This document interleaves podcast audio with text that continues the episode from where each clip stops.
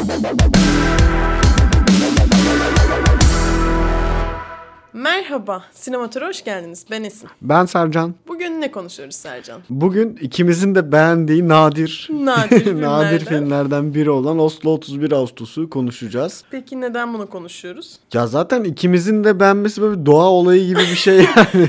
Dedik bunu harcamamalıyız. Bunu hemen üzerine konuştuğumuz Bu bir şey yapmalıyız. Konuşulmalı abi bence. bu, bu konuşulmalı. Ama film Esin'in önerisi kesinlikle bu Evet. açıdan teşekkür Aynen. ediyoruz kendisine. Bunları belirtmemiz gerekiyor. Hangi filmi kim önerdi? Kimin Evet. önerisi üzerine konuşuyoruz. Bunları belirtelim, seviniriz. Ya zaten beğenilmeyenleri ben önerdim.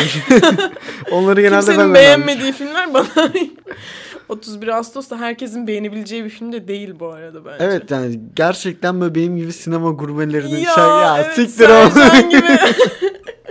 Ya ben olmasam herkes beğenme. Ama hayır ya bayağı ödül almış bir yönetmenden bahsediyoruz. evet ama- Türkiye'de bile ödül vermişiz. Altın Lale'yi vermişiz. Evet Biliyor ama muydun sen? Evet. biliyorum evet bugün okudum Altın Lale 2012'de İstanbul Film Festivali'nden Altın Lale almış. Konuşuyorsak araştırayım biraz dedim. Ama o filmle mi almış hadi bakalım. O filmle almamış, reprizler Reprizle almış. almış, okey. Ee, 2006 yapımı bir film rep, repriz. Onunla almış ama repriz de mükemmel bir film. Film başlamadan önce bence ufak bir senaryosundan bahsedelim. Onun üzerinden konuşalım. Okey tamam ben anlatayım. Baş Tamam. karakterimiz Andre. Evet, Andre karakterimiz. Hı hı. Ee, uyuşturucu bağımlısı bir genç. Genç denebilir mi ya sanki 30, 34 Aa, yaşında Ama yani genç abi. küçül de cebime girer. Hayır abi orada yaşam 85 yaşında ölüyorlar. Daha Ya. yolu sevmemiş yani genç hala. Değil mi? Daha şeylerinin baharında, gençliğinin baharında. Kesin, kesinlikle öyle. Andre isimli bir uyuşturucu bağımlısının terapi gördüğü merkezden önceki hayatına bir günlük bir dönüşünü as- anlatıyor aslında Aynen. film. Çarpıcı olan yanı karakterin intiharıyla başlıyor aslında. Yani böyle bir intihar girişimiyle başlıyor ve e, bu intihar girişimi başarısız sonuçlanıyor. evet. Spoiler vermemek adına devamını söyleme. Tamam o zaman şöyle ilk spoilersız konuşuyoruz. Evet. Ondan sonra spoiler'a geçiyoruz. Çünkü spoilersız zaten nasıl anlatalım? Aynen abi nasıl, Nasıl anlatayım ben anlatalım? sana? İzleyin ben zahmet. aynen bir iki yönetmenin daha e, özelliğini spoilersız paylaşırım. Ondan sonra spoiler'a geçeriz Okey o zaman yönetmeni de senden tanıyalım. Yönetmen Norveçli bir yönetmen. Filmimiz Norveç menşeili bir film. Ee, zaten Oslo'dan başlıyor film. Birçok insanın, gencimizden bağımsız birçok insanın Oslo hakkında söylediği şeylerden, gençlik anılarından, çocukluk anıların anılarıyla başlıyor. Yükselen Norveç sinemasının güzel bir örneği bence bu film. Şehrin e, ruhunu yansıtan bir film olduğunu düşünüyorum ben. İskandinav'ın o karanlık yönünü bize mükemmel vermiş zaten. Karakterle de çok uyumlu olmuş Oslo'nun şeyi, ruhu e, diyebilirim. Bu film aslında 63 yapımı bir Fransız filminden uyarlamaymış. Hangi Yani- film? Hangi film? Louis Malle sanırım yönetmenin adı. Le Souffle diye e, bir film. Bu da zaten e, bir kitaptan da bir alıntıymış. E, Vilo de Wisp diye bir e, kitap. O, bu da şey anlamına geliyor zaten. Denizde geceleri gördüğün o ışıkların e, oluşturduğu hayalet anlamına geliyor. Yakamoz gibi mi? Yakamoz'un işte görüntüler yaratması birazcık şizofrenik bir e, Hmm. İnsan kavramı zihni- anlatıyor insan zihninde aslında. görüntüler yaratması. Aynen o Okey. ışıkların e, illüzyonundan bahsediyor. Hani e, filmde de böyle o hayatın illüzyonu, hayatın bize göstermeye çalıştığı illüzyon güzel anlatılmış bence. Spoilerlı kısma geçmeden filmin anlatısına biraz değinelim. Yani bu film sinematografik olarak nasıl bir filmdi? Ya bence ya, olayı olduğu gibi veren filmlerden bir tanesiydi. Yani Aynen. herhangi bir işte hem kurgu hem de çekim kısmında böyle bir ya işte seyirciye şöyle bir şeyler verelim seyirci bunu çözsün gibi değil. Yani daha böyle karakterin iç dünyasını anlatan objektif bir bakış açısıyla çekildiğini düşünüyorum. Yani herkesin gördüğü şekilde anlatmış ama herkesin gördüğü, hissettiği şekilde hissettirmemiş bir film. Bundan dolayı bana çok başarılı bir film gibi geliyor. Tam olarak bu nokta. Ama bu ben- beni birazcık şaşırttı açıkçası. Çünkü e, ad- e, Trier'in diğer Repris filminde çok farklı e, kurgu teknikleri kullanılmış. Böyle filmi izlerken geçmiş, şimdi, gelecek, hayal, gerçek bunların arasındaki bağlantıyı bile kurmakta çok zorlanıyorsun. Hani bu orijinal e, objektiflikten çok çok uzak bir kurgu kullanmış şeyde. Şimdi bir de üçüncü filmi çıkıyor. Aslında bu filmi seçmemin nedeni de o. The Worst Person in the World diye bir üçüncü filmi çıkıyor bu adamın. Ee, yine aynı adama e, oynatıyor. Bu baş karakteri çok seviyor e, bu yönetmen. Reprizde de onu oynatmıştı. Burada da onu oynatmıştı. Artık üçüncü filmde nasıl oynamış, hangi karaktere büründürmüş onu da merak ediyoruz. Burada biraz daha işin e, yani sinematografisini belki yalın tutarak bizim karaktere daha iyi, karakterin psikolojisine daha iyi odaklanmamızı sağlamış olabilir. Yani flashback mesela neden yapılır? Ortada bir durum vardır. İşte geçmişte bu durumun nedenleri ne? Belki onu göstermek için yapılabilir. Ya da işte flash forward yapıyorsa bir hayali falan canlandırmak istemiş olabilir ama burada daha çok bizim e, amacımız karakterin bugünüyle ilgilenmek aslında. Kesit. Aynen. Sadece Kesit. o ufak kesiti görebilmek. Fakat aslında öyle bir kurgulanmış ki yani karakterin bir gününü anlatıyor aslında ama sadece bir gün değil o. Aslında bize o bir günde karakterin o yaşına kadarki tüm hayatını anlatıyor. O yaşına kadarki duygu birikimini anlatıyor. Hani ne- olaylara bakış açısını anlatıyor. Hani bir mesela ilk başta şeyle arkadaşını ziyaret ediyor ve e, onun hayatına bakıyor ama o hayata böyle iğreti bakıyor. 34 yaşına kadar onun hayalini kurmadığını çok iyi anlıyorsun. Ya da o hayatın e, onun bir parçası olmayacağını gelecekte, o karakterimizin bir parçası olmayacağını çok iyi anlıyorsun yani. O zaman soru soruyorum Sercan. En sevdiğin sahne hangisiydi? E, zor başladın ama söyle hazırlanır gelirdim yani zor başladın. İşte sen dedin söyleme diye ben bunları söyleyecektim sana. Okey tamam. Film karakterin intihar girişimiyle başlıyor. Başarısız bir girişim ve sonunda karakter intihar ediyor. Yönetmen de aslında bize bu aradaki süreci anlatıyor. Aynen. Karakterin uyuşturucu ve işte alkol bağımlılığı üzerinden. Yani böyle bir e, başlangıcı ve bitişi olan filmlerde böyle sahneleri öne çıkarmak çok zordur. Mesela şey izlediğinde işte Pulp Fiction'ı izlediğinde oradaki dans sahnesinden çok etkilenirsin ama Aynen. E, bu tarz filmlerde belirli sahneler öne çıkmaz. Yine de illa bir sahne söylemem gerekiyorsa neden bu karakter işte kendine toplumda bir yer bulamadı sorusunun cevabı kafede tek başına oturup milleti dinlediği Ama bu sahnedir. kopya. Hayır benim en Ama sevdiğim bu kopya. Hayır lütfen bir dakika. Şş, aa, olmaz. Şş, şş, orada dur. orada neden dur. neden bu sahne? Çünkü bu Neden sahne olsun? Anlat.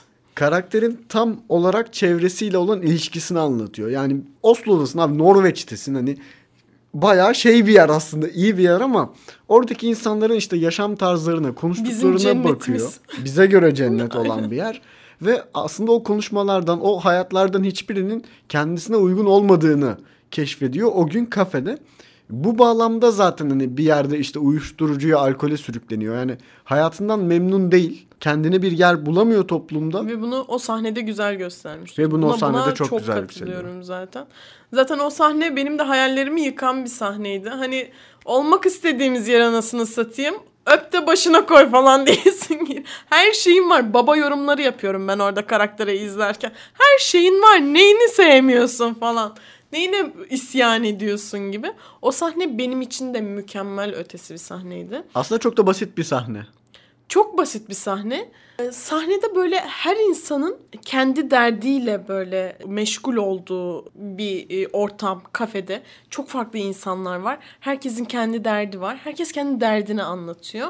Herkes neler istediğini, neler olduğunu aslında anlatıyor. E, Duygudan çok düşünceler birbirleriyle paylaşılıyor. Hani Ve hayaller aynı zamanda. Ve yani. hayaller. Şunu yapmak istiyorum diyor ama hani o kadar benim ilgimi çekmiyor ki yani ana karakterin ilgisini çekmiyor ki o hayal yani. Sırt sikerler. Ama o kadar herkesin hayali ki ayrıca. Hani tüm problemler herkesin problemi. Herkesin başına gelebilecek problemler. Ama o kadar saçma problemler ki objektif baktığında. Ve bunu yansıtan bir sahne. O nedenle bence de güzel bir sahneydi. Bunun dışında ben şunu beğendim. Film işte bir perdenin açılışıyla başlayıp Evet. perdenin kapanışıyla Aslında bitiyor. tam böyle parantezler filmi değil mi? Hani intiharla başlıyor ve intiharla bitiyor. Perdenin açılışıyla başlıyor ve perdenin açılışıyla bitiyor. Ya burada bence şöyle bir anlatı var.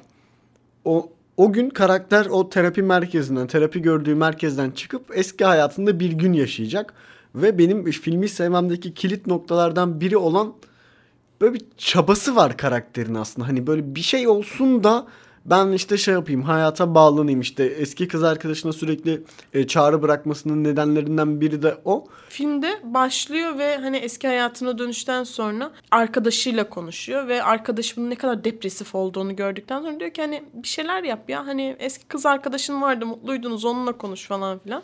Adam da bir şey arıyor gerçekten eski kız arkadaşımı arayayım falan oluyor. Sürekli onu arıyor hani bir, bir arayışta aslında eski hayatına döndü ama bir tat arıyor. Tadı da uyuşturucu ve alkolde aslında bir yerde Aynen. bulabiliyor. Yani çoğu zaman günlük hayatımızda hep şey diye düşünürüz işte uyuşturucu alkol birçok kötülüğün anasıdır gibi düşünülebilir ama, Ama- bu filmde aslında tersini savunuyor. Yani diyor ki uyuşturucu ve alkol burada sonuçtur diyor. Yani toplumdan dışlanmışlığın getirdiği bir sonuçla karakterin biz ona yöneldiğini düşünüyoruz diyor. Ki ben normalde olarak- tersini savunan bir adamım ama film o kadar işlemiş ki Aynen. Seni ikna etti mi? İkna Bu etti, beni evet. çok mutlu etti. Daha demin toplumdan dışlanmışlık dedin ama adamın toplumdan dışlanmış olma gibi bir durumu yok aslında. Toplumdan kendini dışlamış Doğru, evet. olması gibi. Onu iyi ifade etmek gerekiyor. Aynen. kendisi aslında bir yerde dışarıda kalmak istiyor. Yani kendine ait görmüyor ki e, bu da çok olağan bir şey olarak bize yansıtılıyor. Ya normalde şudur ya hani gerçekten depresif insanlara böyle gidersin ve bak şunu yapalım hadi bunu yapalım güzel olacak falan dersin. O depresyondaki insana tam olarak iyi gelecek şeyi bilemezsin. Burada aslında e, film o depresyondaki insanın bakış açısını çok iyi anlatmış ve aslında bu olayların onun ne kadar iyi gelemeyeceğini bize çok çarpıcı bir şekilde vermiş. Bu hoşuma gitmişti benim. Ve tam da bu noktada aslında evrensel bir e, duyguyu bize anlatıyor. Aynen. Belki işte bu bağlamda tamam evet şehir e, ön plana çıkıyor bir yerde ama hani biz genel olarak izlediğimizde ya bu işte Norveç sineması falan belki deriz ama şunu demeyiz. Ya bu çok yerel bir film demeyiz. Aynen. Herkes de böyle Ama herkesin ruhu, belirli hani şehrin ruhu hissediliyor yani. Evet, şehrin o ruhu hissediliyor. Bir, o ruh hissediliyor. Ya yok orada demek istediğim şey. Hani herkesin aslında tanışıklığı olan zaman zaman Duygu, tanışıklığı öyle. olan bir duyguyu anlattığı Aynen. için ben yerelden çok uzak bir film olduğunu düşünüyorum ki bunu Kesinlikle. da uluslararası arenada aranada niye öyle yavşaklıktan. Ay, Benim çok güzeldi ya. çok iyi ya. Ama çok iyiydi. Filmde sevdiğim farklı şeylerden biri de adamın tüm seçeneklerini tek tek elemesi. İlk başta mesela e, kendisi gibi eski bir arkadaşı e, ile buluşuyor ve onun hayatına bakıyoruz. Yani onun gibi bir hayat seçebilir. Hayır onu eliyor. Ondan sonra e, ablasıyla görüşüyor. Ablasının hani bir işi var, bir sevgilisi var falan filan. Onun gibi bir hayat seçebilir ama onu da eliyor. Çünkü o da orada mutlu değil. Adam da orada mutlu değil. İşte kafe sahnesinde birçok hayatı eliyor aslında. Onları da olmak istemiyorum. Tek tek eleme usulü gidiyor ve en sonunda eski hayatına benzer bir hayata giriyor. Eski hayatındaki o benzerlikleri de eliyor. Hani geriye dönüş olabilir. Eski bu alkol, uyuşturucu hayatına dönebilir. En çok ondan zevk alıyor. Ama onu da eliyor en sonunda. Onda da bir bok olmadığını fark ediyor. Ve seçeneksiz bırakıyor e, karakteri. Çaresiz bırakıyor ve biz zaten hissediyoruz. Onun oraya gittiğini çok net hissediyoruz. Hani intihar etabına koyayım diyesi geliyor insana. Çünkü hani yapacak bir şey yok. Karakterin intihar edeceğini biz zaten en başından Evet. beri. Ben ilk başta anlamamıştım ya. Sercan ilk başta anlamış. Ya şöyle bir şey oldu. O sahnede e, intihar, başarısız intihar girişiminin ardından işte gidiyor tam çıkacak falan şey diyor ya şimdi bunu al taksiciler bilmez burayı geri dönerken şey yaparsın. Ya ben orada şey gibi bir saate kapıldım. Ona hiç bakmadı bile o kağıda. Ha, ben nasıl sikerler buraya dönmeyeceğim ki zaten kafasında gibi geldi ama hani bunu e, bu sadece bir his yani her an öyle bir mesaj verilmeye çalışılmış mı? Dönüp baktığın zaman dönüp baktığın Baktığın zaman, zaman- çok yok öyle bir mesaj ama bana bu geçti. Yani ben o karakterin işte başarısız oldukça intihara sürüklendiğini en başından beri hissediyordum ama hani bu da şey değil. Abi filmin sonu çok açıktı ya kafası değil. öyle bir şey yok. zaten açık olması da bir şey fark ettirmezdi bu film Evet için ya, bence. o yola nasıl gidiyorsun yani karakterin o eleme süreçlerini mesela burada iş başvurusu yaptığı sahne de çok enteresan. Evet. O sahne çok enteresan. Çünkü evet hani e, diğer arkadaşıyla olan muhabbette aile hayatını sevmedi, ablasıyla konuşamadı, istediği gibi olmadı falan ama işte aslında adam onu alacaktı yani. Sevdiği bir iş. Sevdiği Sevdiği, bir bir, iş. tarz. Yani Sevdiği bir tarz. onu e, alabilecekken gerçekten başarılı da giden bir e, görüşmeyken kendisi, Kendisi bilerek reddediyor. mahvediyor. Kendisi de neden Aynen yapıyor öyle. Onu neden yapıyor? Belki de kendini çaresiz bırakmak için yapıyor diye düşündüm. Şöyle e, iş görüşmesinin ardından pişman oluyor. Sinirleniyor ya da do- daha doğrusu. Ve e, kağıtları falan çöpe atıyor. Onu görüyoruz. Orada bir çelişki var bence. Tam olarak anlamadığım. Hani olay yaratıp sonra o olaydan pişman olmak ama bu pişmanlık süresinin bu kadar kısa süreli olması. Hani böyle belki de kendini cezalandırması, mazoşizme kadar gidebilir bence bu. Hani orada bir kendini cezalandırma olayı var yani. Hani bulunduğu durumu beğenmiyor. Olduğu insanı beğenmiyor ve o beğenmediği insanı da beğenmediği şekilde karşıdakine anlatıyor. Sen de beğenme diye aslında.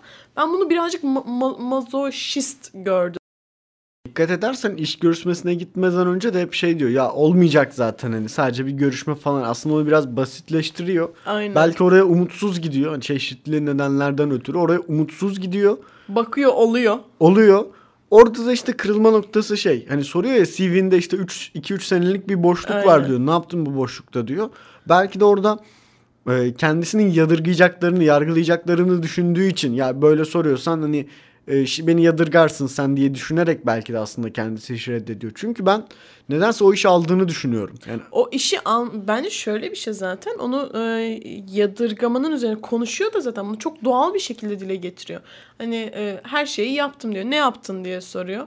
Hani ne istiyorsun? DJ'lik yaptım, torbacılık yaptım. Hani direkt söylüyor bunu ve bunun üzerine adam yine de diyor ki e, ah zorlu bir dönem tamam falan diyor. Hani işte o, orada okey. Orada o adamın belki de kendisini yargıladığını falan düşünüyor olabilir. Bence orada adamın kendisini yargılamasını istiyordu zaten. Orada adam kendini yargılamadı tam olarak. Yargılamadığı için sen de diyorsun ki bu sefer ya, niye yargılamadı? Aynen öyle. Orada bir kendi kendine cezalandırma vardı. Hani bulunduğu durum için kendini cezalandırmak isteyen bir karakter görüyorum ben orada. Evet bu güzel bir bakış açısı. Of yine parçaladım ya Evet, Rabbi. kapat kes kes kes. Şey olur ya. Bir tane. Şey olur ya böyle antin kuntin e, yorumlar yapan e, yok işte şu renk gömlek giydi e, çocukluktan gençliğe Abi, geçişti falan gibi Üst, salak üstü, saçma be, üstü beyaz bu kesin ölecek bu filmde. Aynen gibi. Mesela o yorumlara benzedi bence ama mesela şu an mükemmel. Ama bu şöyle bir şey. e, Yani buradaki olay çok öznel. Yani orada herhangi bir işte gösterge yok, herhangi bir sembol yok kullanılan. Hani burada tamamıyla senin o sahneden ne anladığınla ilgili bir şey ve bu tarz psiko bu tarz psikolojik filmlerde seyirciye bırakılan pay çok daha yüksek oluyor diğer klasik anlatı filmlere göre. Hani sen öyle anlamışsındır. Bunun yönetmene sormak lazım yani yönetmen ne düşünüyor Aynen. diye. Gerçekten bunu bir merak ettim. Acaba öyle bir şey var mıydı? Peki sence bu soruyu sen bana sormuştun ama şimdi ben sana soruyorum. Hadi bakalım. Ee, sevgilisi o telefonu açsaydı bir şeyler değişir miydi? Sevgilisi o telefonu açsaydı. Bence kısa süreli değişirdi ancak. Çünkü sevgilisi te- o telefonu açsaydı insanlara görünmeye hani hayatı boyunca var olmaya çalışmış. Annesi tarafından işte kardeşi, arkadaşları herkesin hayatında bir nebze var ama herkes kendi derdiyle alakalı. Orada bir e, insanlardan bağımsızlaşma, insanların insanlara yabancılaşma olayı olmuş. Sevgilisi bu yabancılaşmayı engelleyen bir faktör olarak karşımıza çıkıyor. Önceki şeylerinde de, intiharlarında da, kaybolmalarında da sevgilisi sürekli onu aramış. Hani sürekli bak sen varsın benim için önemlisin demiş. Ama bu kaybolmuş sonra. Sevgilisi onun için bitmiş. Ee, şimdi geriye dönüyor ve ha, yine var olmaya çalışıyor. Yine başkalarının gözünde görünmeye çalışıyor. Kimsenin gözünde görünemeyince en son yine sevgilisini arıyor. Ama bu sevgilisine çok aşık olduğu için, onunla bir hayatı sürdürmeye devam ettiği için olduğunu düşünmüyorum ben. Hani ben de, bana öyle hissettirdi. Ben bana da öyle geliyor. Hani evet sevgilisi o an açsaydı belki kısa süreli bir e, iyileşme olabilirdi. Ama e, mükemmel bir aile hayatı kuracak bir adam değil. O adamın sonu her türlü intiharmış gibi geldi bana. Yani film boyunca yaptığı tüm denemelerden en çok umut bağladığı yerin kız arkadaşıyla olan o telefon görüşmesini çok istemesi olarak geliyor yani. Çünkü yani farkındaysan mesela o ilk yanına gittiği arkadaşının yanından ayrıldıktan sonra hani tekrar oraya dönmüyor ama mesela o kız arkadaşını film boyunca 3 kere falan arıyor çeşitli aralıklarla. Yani ondan ona olan umudu on, Ama o da insan şımarıklığı gibi geliyor bana. Elde ettiğine geri dönmemek gibi. Kız da ilk başta açsaydı büyük ihtimal ha tamam diyecekti. Okey, okey. On, onun da ona da şey gibi bakacak. Onu da aradı ama ondan da zevk almadı falan gibi bakacaktık. Onun umudu kesmiyor çünkü ona ulaşamıyor. Hani ben bir yerde de belki her şeye ulaşmış insanın dramı falan mı diyeceğim ben. Çok iyi. Ya of yine parçalıyorum. Biraz oyunculuk e, konuşalım. Adamı Ay, nasıl buldun? Deme öyle deme konuşalım. A- aşık oldum. Ben adamın oyunculuğuna aşık oldum. Hani insan ancak bu kadar güzel o varoluş e, krizlerini bence bu şekilde anlatabilirdi diye düşünüyorum. Zaten yönetmenin de çok sevdiği bir oyuncuymuş. Her filminde oynattığına göre seviyordur diye düşünüyorum ben. Ben de hani bence mükemmel bir oyunculuk sergiledi. O nötrlüğü, her şey olan nötrlüğü mükemmeldi. Böyle ama mesela geçmişteki mesela kız arkadaşının doğum gününe gidiyor falan. Oradaki çapkınlıkları, hani e, yavşaklık. Yavşaklıkta. Onlara falan tam oturmuş bir karaktere tam oturmuş bir oyunculuktu bence. Benim çok hoşuma gitti. Sen ne düşünüyorsun? Bence de başarılıydı. Yani bu, bu tarz ağır psikolojik filmlerde oyunculuk çok zor zanaat. Aynen. Yani o duyguyu yansıtabilmek hani şey gibi aslında baktığın zaman adam sadece nötr yani hiçbir şey yapmıyor. Çok ekstrem böyle uçmalı kaçmalı detay böyle diyaloglar falan filan yok. Son derece sade oynuyor ama o psikolojik filmde sade bir oyunculuk sergilemek çok zor. O çok yani Çok yaşamadığın bir duyguyu aktarabilmek çok zor zaten. Belki ki- de yaşamıştır onu da İşte ondan dolayı diyeceğim ki büyük ihtimalle yaşamıştır. Filmi tavsiye ediyoruz bir kere. Yani bence izlenmesi gereken bir film fakat izlerken psikolojimize de biraz Evet asla yani tek başınıza izlemeyin. Bu bence uyarı olarak verilmeli. Bu filmi tek başına izlemeyin. Hatta bir uyarı daha bu filmin ardarda arda iki filmini izlemeyin kesinlikle. Ben öyle bir hataya düştüm. Hatırlamak babında ikisini aynı anda izleyeyim dedim. Yok yani gecenin sonunda depresyonla bileklerimi dikine kesecektim yani. Yani yönetmenin hem bu filmi hem de bir önceki filminden Aynen, bahsediyorsun aynen. evet. Bence de yani e, dün bir dizi izlerken girişte şey vardı işte bu dizi bu bölüm intihar içerir işte Dikkat edin. dikkat edin Dikkat falan et. diye hani böyle bir uyarı. Çünkü gerçekten çok depresif ve e, çok alışkın olduğumuz bir duygu olunca lan aa mı falan oluyor Bir de insan. pandemi sağ olsun herkes psikolojik problemlere sahip olduğu için, psikolojik çöküntüye sahip olduğu için. Ya bir de Türkiye zaten. Bu dönemin filmi değil. Bu, Bu dönemden çıkılsın ondan sonra izlenilsin. Hani öyle diyelim. Ama o zaman şöyle bitireyim. Norveç'tesin yani bu kadar da kasmasam. Hep böyle şey- insanoğlu biraz doyumsuzdur ya. Mesela işte şu an sallıyorum Norveç'e gitmek istiyorsun. Bir ekonomik refah istiyorsun.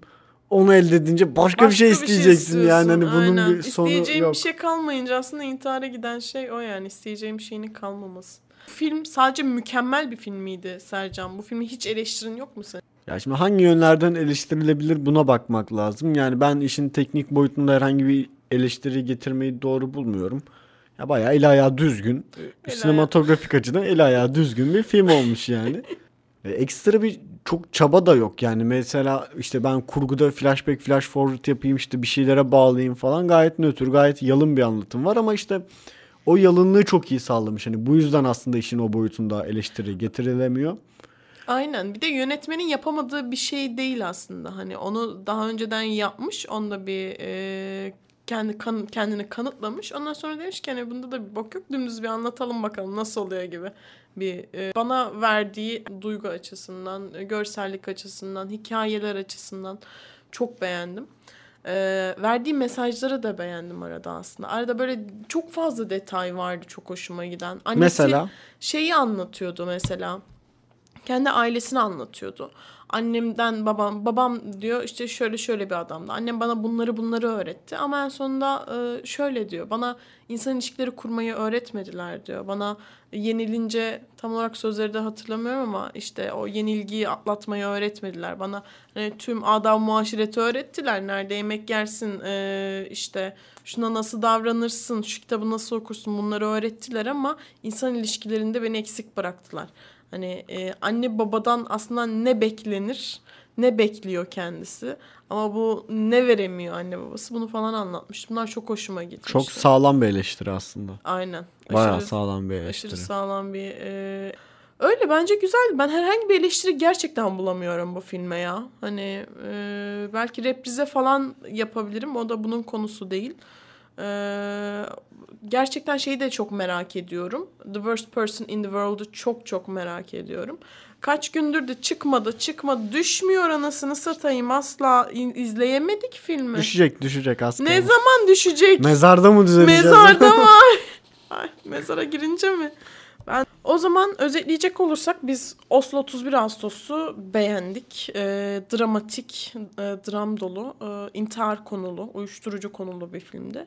Ee, bizi e, etkiledi ve e, bu filmi gerçekten öneriyoruz. Ee, bir İskandinav Norveç sinemasından e, bir film örneğiydi. Başarılı da bir film örneğiydi. Peki bunlar dışında önerebileceğin Norveç sineması bir filmi var mı Sercan? Yani Norveç sineması önerebileceğim bir film. Dalga güzeldi. Türkçe dalga diye çevrildi. Böyle bir felaket filmi. Ben felaket filmlerini severim böyle hani şey. O böyle Kaos olsun, bizim kaos olsun. Ne bileyim böyle bir şey. Ye- yerle Nasıl? eksen olsun abi yıkılsın her yer ama. hani Ufak bir bahsedebilir misin? Ya Peki şöyle, Ben izlemedim çünkü Ee, bilmiyorum. Çok oldu ben o filmi izleyeli. Bir tane adam var işte o bölgenin e, yer bilimleriyle ilgilenen biriminin biriminden emekli. Bir aile hayatı var ama işte eşinden ayrı kızı eşiyle ve e, üvey babasıyla kalıyor galiba. E, bu adam bir keşif yapıyor. Yani hani yakın zamanda çok büyük bir felaket olacak tarzında ve ailesini özetle bu felaketten kurtarmaya çalışıyor. Yani ben o tarafta şeyi değil işin ne bileyim işte prodüksiyon boyutunu falan değil. Daha çok böyle adamın ailesiyle olan o çabasını beğendiğim için sevmiştim bu filmi. Aile adamı olmasın. Biraz öyle evet çünkü şey işin genelden baktığın zaman ne bileyim efektler olsun, ses kurgusu olsun, e, prodüksiyon bütçesi olsun Hollywood filmleriyle falan hani kıyaslanamayacak kadar düşük aslında. Hani dolayısıyla böyle izleyen biri ya bu ne böyle felaket filmi mi olur falan diyebilir ama ya işin özü zaten bence o filmde o değil. İşin özü öyle bir olayda o adamın ailesiyle olan ilişkisi. Ben hani işin bu boyutunu o sevdiğim için dalga filmini önerebilirim. Sen ne önerirsin? evet çok teşekkürler bu soruyu sorduğun için. Sorularım tek taraflı gidiyor. Benim çok sevdiğim Norveç e, filmi vardır. Bunu söylemek için tüm podcast boyunca bekledim. Blind diye bir film var benim en sevdiğim Norveç yapımı film aslında Blind'dır.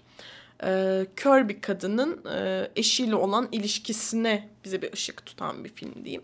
Ama bize e, sunduğu perspektif kör bir perspektif. Hani biz e, filmde e, sadece kadının e, şey algılayabildiği olayları algılayabiliyoruz ve bu e, açıdan bence e, piyasada yapılmamış bir film olarak görüyorum ben. Ben başka bir örneğini görmemiştim. Hoş bir filmdi. E, ben de Blind'ı önerebilirim. Ben de bunu izleyeceğim. Lütfen, lütfen bunlar üzerine konuşalım. Tamam. O zaman e, Oslo 31 Ağustos'tan bu kadar. Bizim yorumlarımız bu kadar. E, aslında sizler neler düşünüyorsunuz bu film hakkında onu da merak ediyorum ama acaba sizler kimsiniz onu da merak ediyorum. bu da önemli bir soru. E, eğer izlerseniz ve beğenirseniz bu film hakkındaki yorumlarınızı çok merak ediyorum. Peki o zaman, O zaman çok teşekkür görüşmek ediyoruz. üzere. Bir Görüşmek sonraki üzere. filmimizde.